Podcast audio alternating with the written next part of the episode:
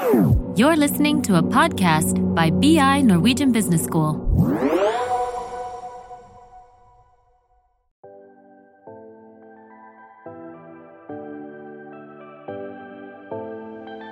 Velkommen til Karriereprat. En podkast for karriereinspirasjon og innsikt i arbeidslivet fra Handelshøyskolen BI. Mitt navn er Gunhild, og i dag skal vi snakke med noen som har skapt sin egen arbeidsplass. Nemlig gründerne bak Biaton Adventures. Hans Peter Sperre og Harald Greif. Begge graduerte fra BI i 2014 med henholdsvis en bachelor i økonomi og administrasjon og markedsføringsledelse. Etter bacheloren gikk veien videre til en master i England for begge to. Hans Peter tok en master i business og begynte etter dette å jobbe som business controller og etableringssjef hos Race-gruppen. Harald tok en master i merkevareledelse, etterfulgt av jobb som produktsjef hos Orkla. For tre år siden sa de opp sine faste og trygge jobber for å satse for seg sjøl. Og det her gleder vi oss til å høre mer om. Velkommen. Tusen takk. Takk for det. takk for det. Hyggelig å være med. Ja, så bra. Um, men hvorfor, uh, hvorfor starte noe eget, da? Var ikke det veldig kjekt å ha såkalte vanlige jobber?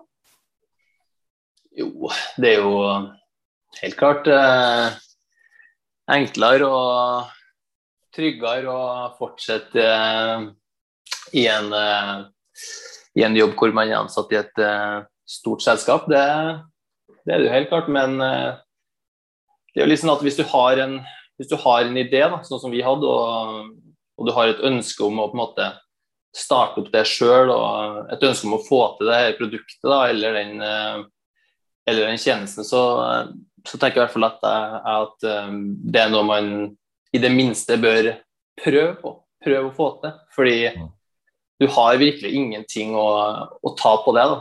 Utenom litt nattesøvn, det taper du. Men eh, det er litt sånn at eh, altså Worst case scenario, så, så, går det selskapet ditt konkurs, eller du får det aldri opp å, å gå. da. Eh, og, og, hvis du får det opp og, og, du ender opp med å gå konkurs, så har du fortsatt lært kjempemye greier. Eh, fått med masse erfaring. Og det eneste som skjer, er at du får deg en ny jobb i et selskap, kanskje det selskapet du jobba i før. Eh, og hvis du da ser på best case scenario, så har du jo oppnådd drømmen din. Du har liksom fått det her produktet, skapt den arbeidsplassen eh, som du ønska. Og det er jo så klart en helt fantastisk følelse. Så det er liksom eh, jeg, tror, jeg, tror, man angrer veldig mye da, hvis du aldri har prøvd. Hvis du har sittet med en idé eller et ønske om å, om å få til noe. Da kommer du til å sitte med den hva hvis-følelsen veldig lenge. Eh, så, så ja, man må bare man må prøve, og så må man eh, jobbe hardt for å få det til. Det er jo dessverre veldig mange som blir sittende i jobber de kanskje ikke egentlig liker så godt også. da.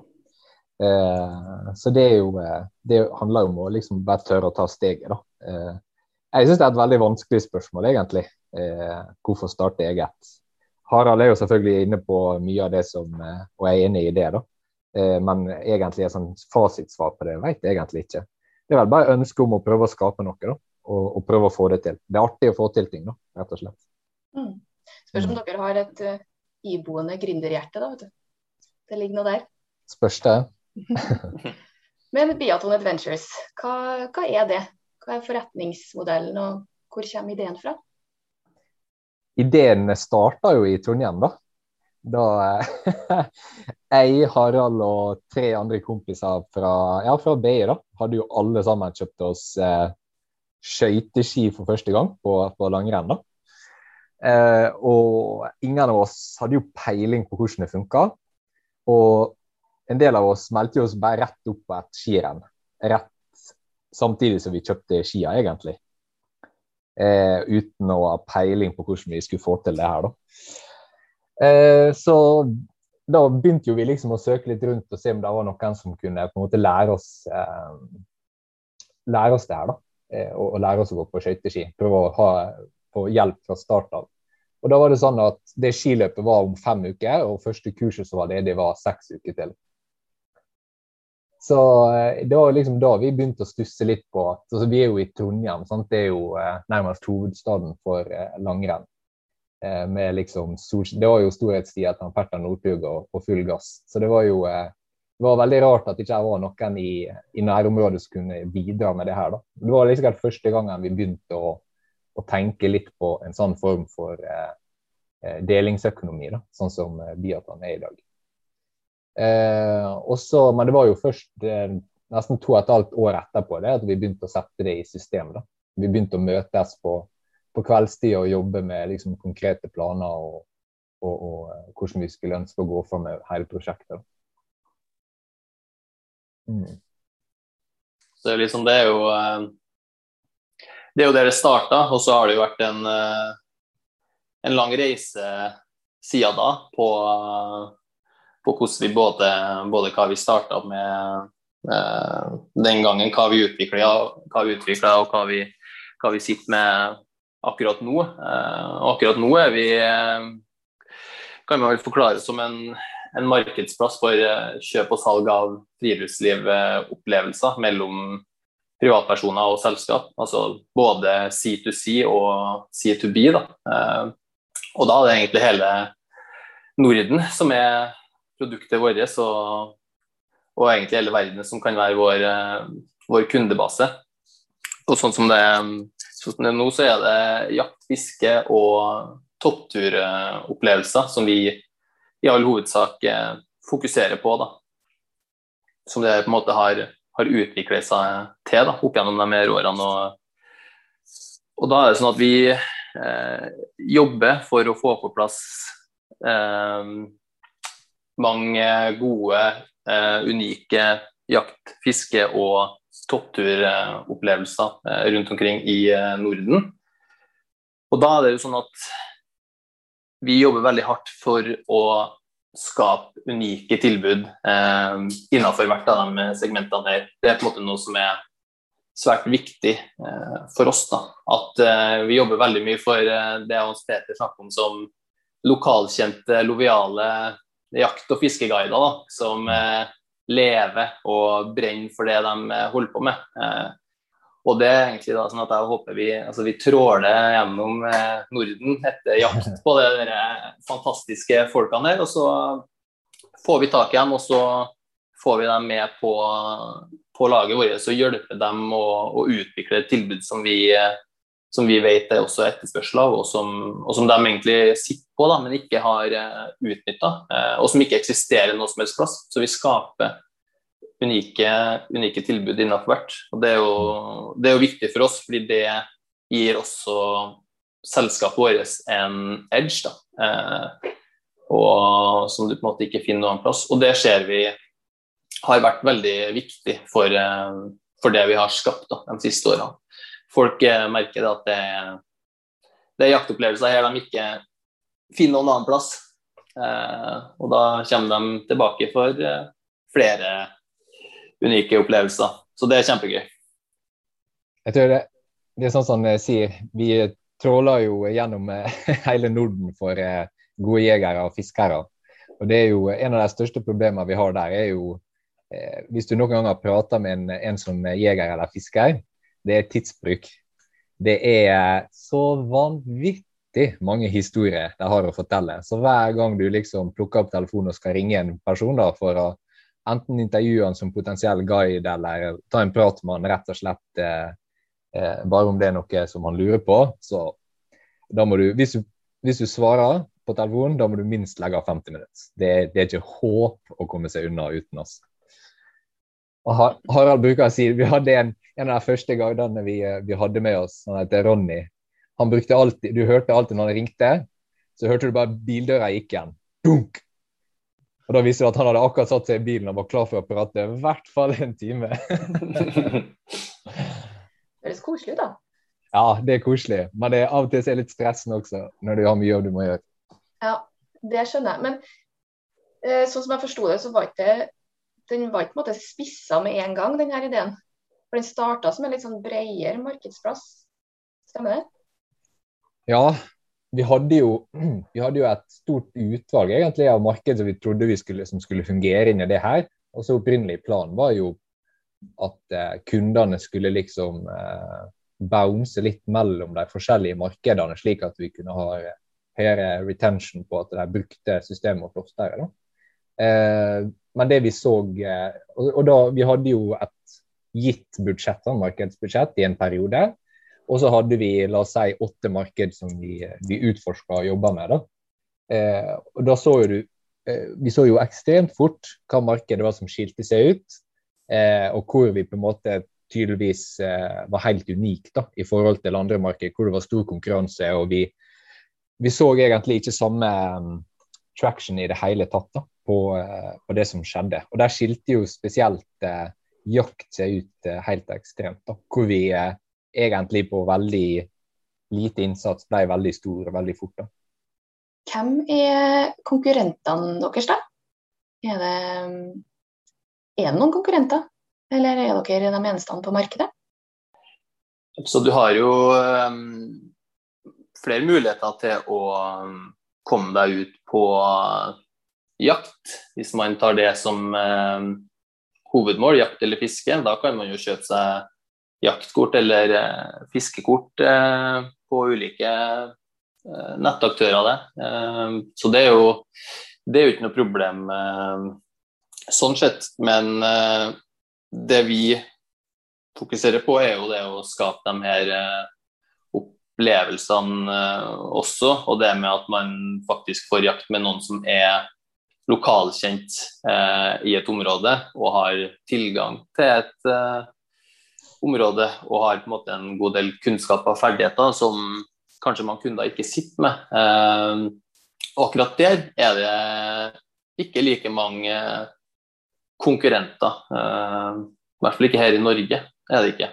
Så der er vi nok ganske unike. Og det er jo også en grunn til at vi har hatt den organiske veksten som vi har hatt, da, som Hans Peter snakka om. At når vi på en måte begynt å spitball med mange forskjellige markeder for å se litt eh, hva som funker, hva som ikke funker, så får du veldig god respons da, i eh, det her friluftslivsegmentet. Eh, og det er jo også et tegn på at eh, her er det et stort behov, eh, og det er kanskje ikke et tilbud ute som, eh, som dekker det behovet. Da. Så når vi kommer på plass med et, et lite tilbud, og du ser at her er det mye, mye engasjement både fra ja, kunder og, og tilbydere. Eh, og når vi begynner å ta i det, så bare blomstrer det her veldig mye. Da, da ser man jo det at her, eh, her er det muligheter. Og det har vi greid å jobbe videre på. Det er jo, det er jo veldig sånn eh, fra liksom eh, kjøpersida, kanskje, da. Men det som, det som gjør oss spesielt, på en måte, er jo det at vi lar egentlig privatpersoner, eller veldig, altså små nyoppstarta selskap f.eks., til å, å, å gjøre det veldig enkelt for deg å starte å selge opplevelser med veldig få barrierer. Eh, sånn du, altså, du Gunhild, kunne, hvis du var eh, en eh, lokal ihuga jeger, så kunne du nå i løpet av ti minutter egentlig kommet i gang med et tilbud da, som vi kunne begynt å fronte. Helt, altså Det er jo kostnadsfritt. sant? Eh, og Det er jo på en måte det som gjør at vi vi har liksom tilrettelagt det både for kjøpere og selgere. Da, eh, og gjør det mulig for eh, folk som har ei veldig eh, stor interesse innen jakt, fiske eller topptur, til å, å, tjene penger på det og dele kunnskapen sin. Da. Fordi det er jo det er sånn klassisk eh, Veldig mange Du, du prater f.eks. med en som er en potensiell, eh, potensiell guide, og så er han litt sånn Ja, men kan jeg liksom ta med meg folk ut på jakt, da? Og så og så, så, er det en person som kanskje har jakta aktivt i 25 år. Han har tilgang på fantastiske jaktterreng. Eh, altså, du må nesten fortelle han hvor mye verdi den kunnskapen han sitter på. da. Eh, og vi har jo masse internasjonale kunder også. Vi er jo ekstremt bortskjemt her i Norge. Eh, vi har det så bra når det gjelder jaktfisk. Altså Friluftslivsegmentet i Norge er jo fantastisk sammenlignet med store deler av verden. Eh, så det, det, å sette en verdi på, på en den kunnskapen og de ferdighetene de har, da, er, jo, er jo en, en, stor del av den nisjen som vi, vi også eh, har. da. Så bra. Dere snakka litt i stad om eh, si, de her lange telefonsamtalene. Eh, hvordan ser en typisk arbeidshverdag ut for dere? Hvis det finnes, da, en typisk en. ja. Står opp klokka seks, og så finner vi fram enten fiskestanga eller hagla. da. Eh, ringer en guide, og så er det jo ut i skogen, da. Stort sett. Nei da, overhodet ikke. Det er, det er en gode som eh, Hans Petter heldigvis får eh, Vi får ut og, og jakte og fiske og gå på topptur også, men eh, mesteparten av hverdagen er jo på, på kontoret. Vi er jo for, vi har jo på en måte, jeg og Hans Petter har jo eh, Når vi har holdt med det en stund, så har vi jo prøvd ulike typer arbeidsfordelinger. Eh, og dem kommer vi sikkert til å endre mer på også. Vi er jo veldig opptatt av å hele tida prøve å, å, å jobbe så, så, smart og effektivt som mulig. Da, og, og, bruke tida på det som er det viktigste. Eh, og da er det jo sånn at da må vi gjøre en del prioriteringer. fordi det er ikke noe problem å jobbe døgnet rundt når man har et eget selskap. Det er alltid noe du kan gjøre. Mm. Så, så, nå prøver vi å fordele inn arbeidsoppgaver som er, er naturlig, og som også i forhold til hva vi er gode på. Da. Så nå jobber jeg mye med f.eks. den salg- og, og markedsføringsbiten. Eh, og da må jeg også tilpasse dagene mine ut etter hva som er, hva som er viktigste, viktigste å med. Da. Mm. Sånn sett. Og jeg jobber jo, Vi er jo på en måte som et stort kjøpesenter, så vi er avhengig av å ha tilbydere og, og guider der ute. Så jeg jobber veldig mye med rekrutteringa av deg, da, for å få deg inn i systemet. og Hjelpe deg inn og få deg i gang. Og, og intervjue deg og verifisere på en måte tilbudet. Da. For det er jo ingen som får lov å legge ut tilbud hos oss uten å kunne vise til eh, at de er kvalifisert til å gjøre det. da. Eh, altså I tillegg til det så er det, vi driver jo et selskap, og det er jo en, en rekke oppgaver som er, er, kjedelige, som må gjøres også. Så eh, det er jo på en måte, Vi har jo masse rutinemessige oppgaver som må gjøres også. Eh, men så, og, og så blir det veldig mye prosjektgjennomføring. da. Når vi skal gjør, iverksette nye ting, når vi skal gjøre nye ut, Eh, utviklings eh, på det tekniske f.eks., så, så, det veldig, blir det veldig prosjektbaserte arbeidsoppgaver vi har. da med en plan, et sett med masse oppgaver som skal gjøres. Og så er det bare å, å jobbe på og sjekke av eh, nå er det klart, neste. sånn. Nå har vi akkurat For to uker siden så lanserte jo vi hele plattformen vår i, i Sverige og i Finland. Eh, så i hele vinter og, og, og, og, nå i våren så har vi jobba ekstremt mye med det, i tillegg til og parallelt jobbe med alt, alt det andre. Mm. Veldig spennende. Jeg har lyst til å gå litt tilbake igjen. Hvordan eh, opplevde dere overgangen fra studier til jobb? da? Var det stor forskjell mellom teori og praksis? Det personlig var jo en, en av de tingene jeg likte mest med å studere på BI, var jo det at eh, foreleserne var jo veldig ofte knytta til altså, eh, virkeligheten utenfor eh, studiene. da. Eh, så veldig mye av det de prata om og problemstillingene og oppgavene vi løste, var jo direkte relatert til kanskje selskap som de hadde en relasjon til utenfor BI også. Jeg husker jo eh, fortsatt eh, disse her tankbilene til han, eh, Olav Lilleberg osv. Så, videre. så det er jo problem, det er jo liksom reelle problemstillinger. Så det, det var jo veldig interessant når vi, gikk der. Klart det er forholdsvis stor forskjell mellom teori og praktisk, men i de fleste tilfeller. Men man er jo også avhengig av å ha de byggesteinene for å, å, å ha basisforståelsen som du kan bygge på da, når du skal prøve å løse problem eh, i et selskap. Eh, det, det, er, det, det, er en forskjell eh, på teori og praksis, men eh, du, du må ha med deg eh, basisen. Mm.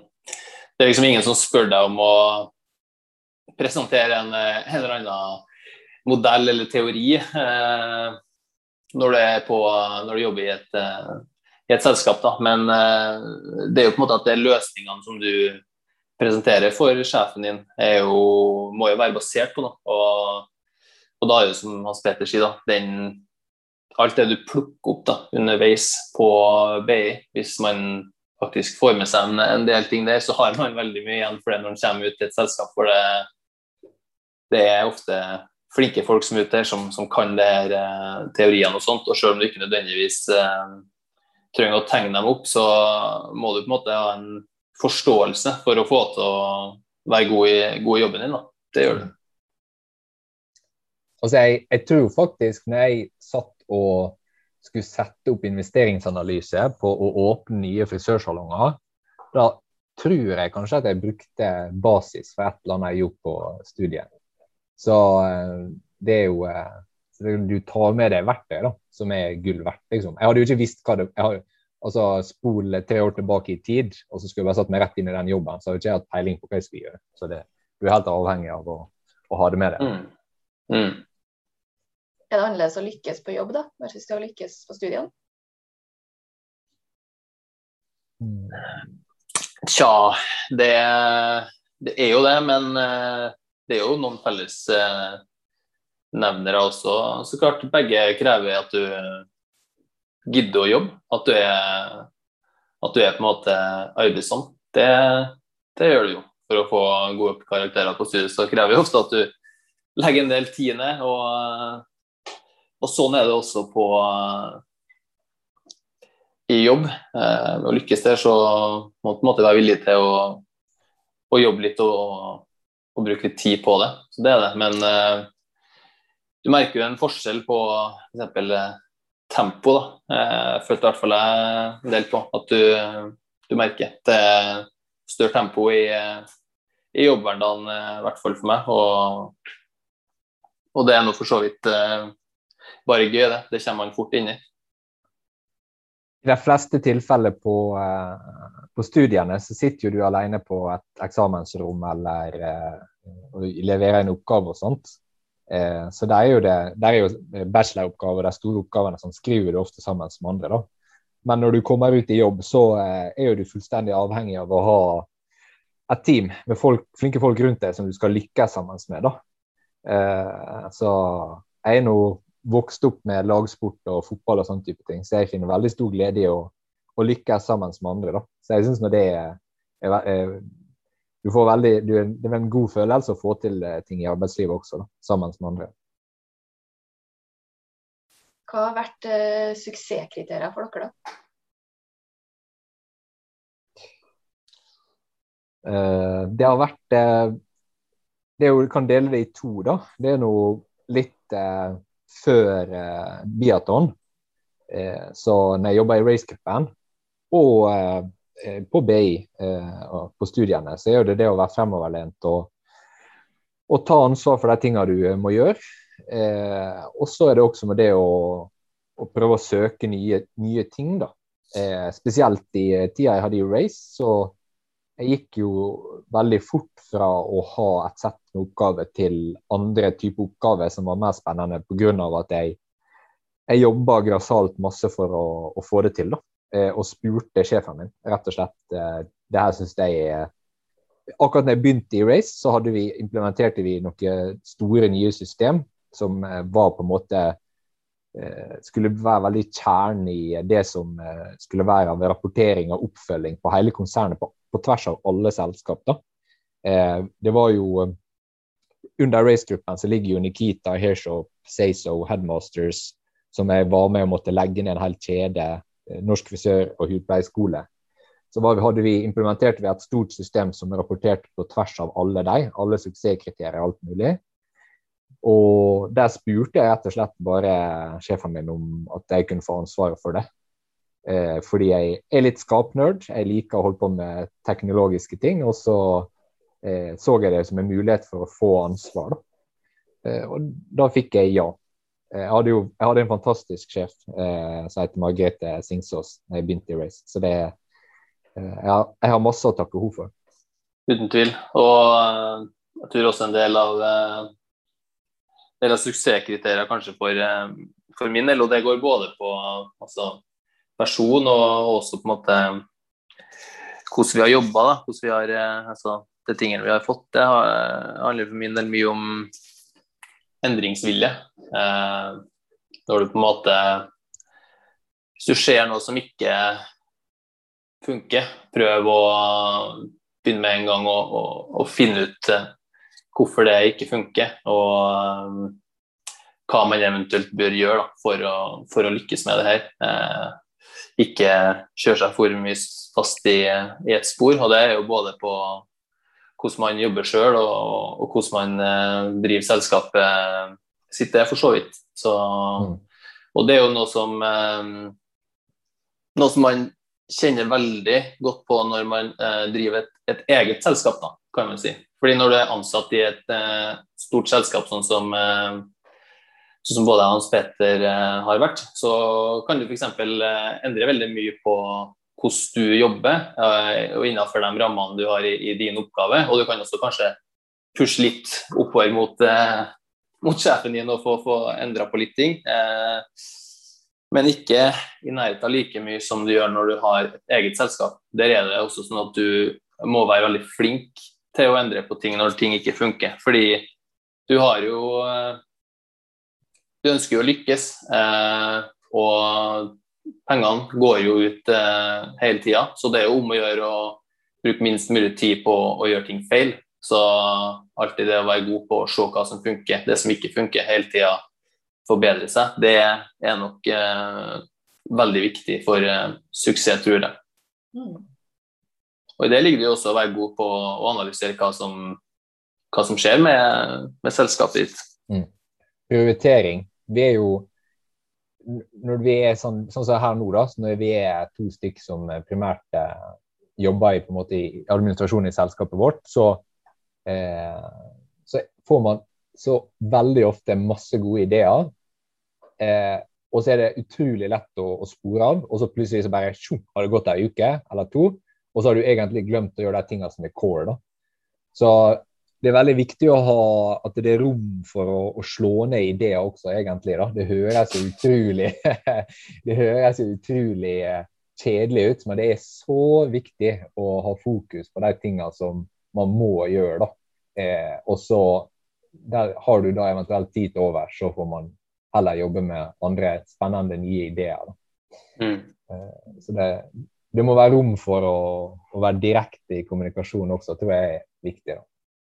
Og Vi har jo prøvd masse opp gjennom, vi òg, med, altså innenfor eh, rammene i selskapet vårt.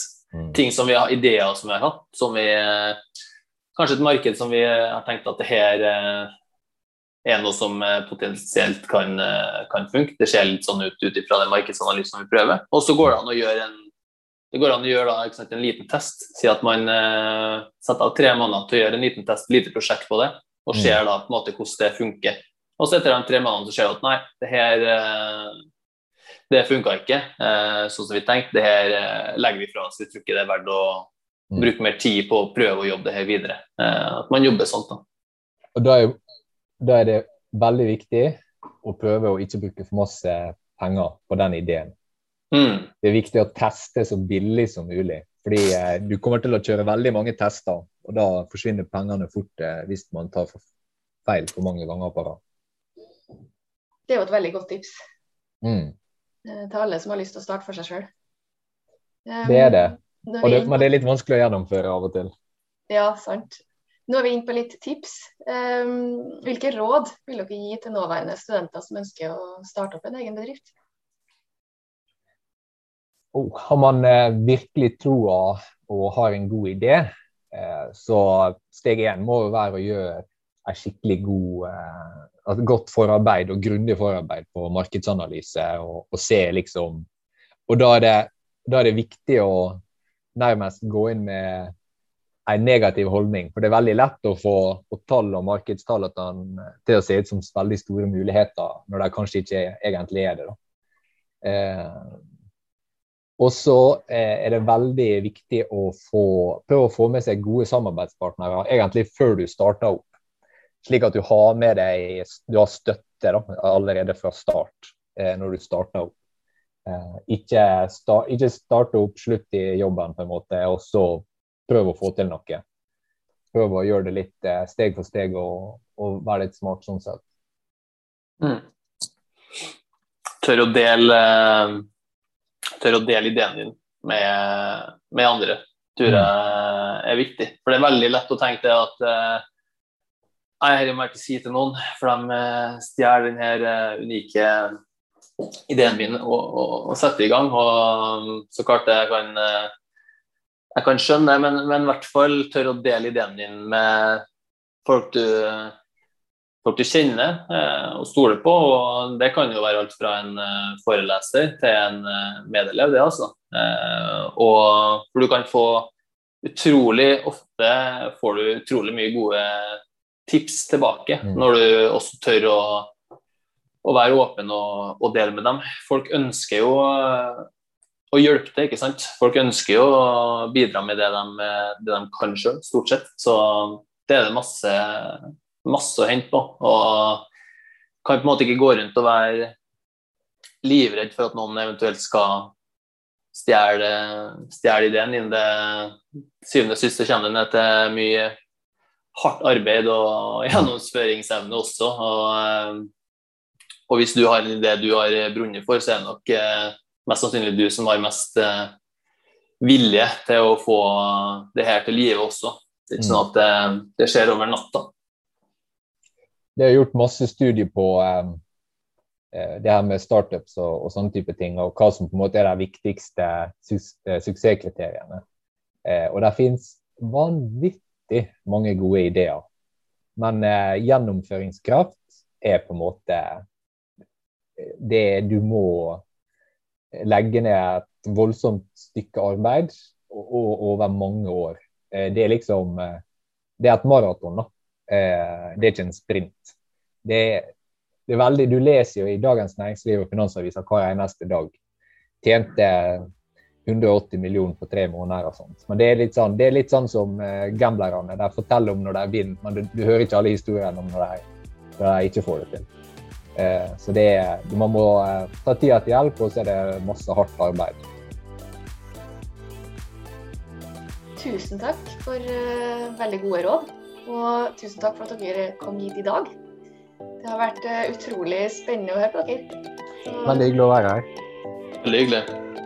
Lykke til videre. Takk for det. Takk for det.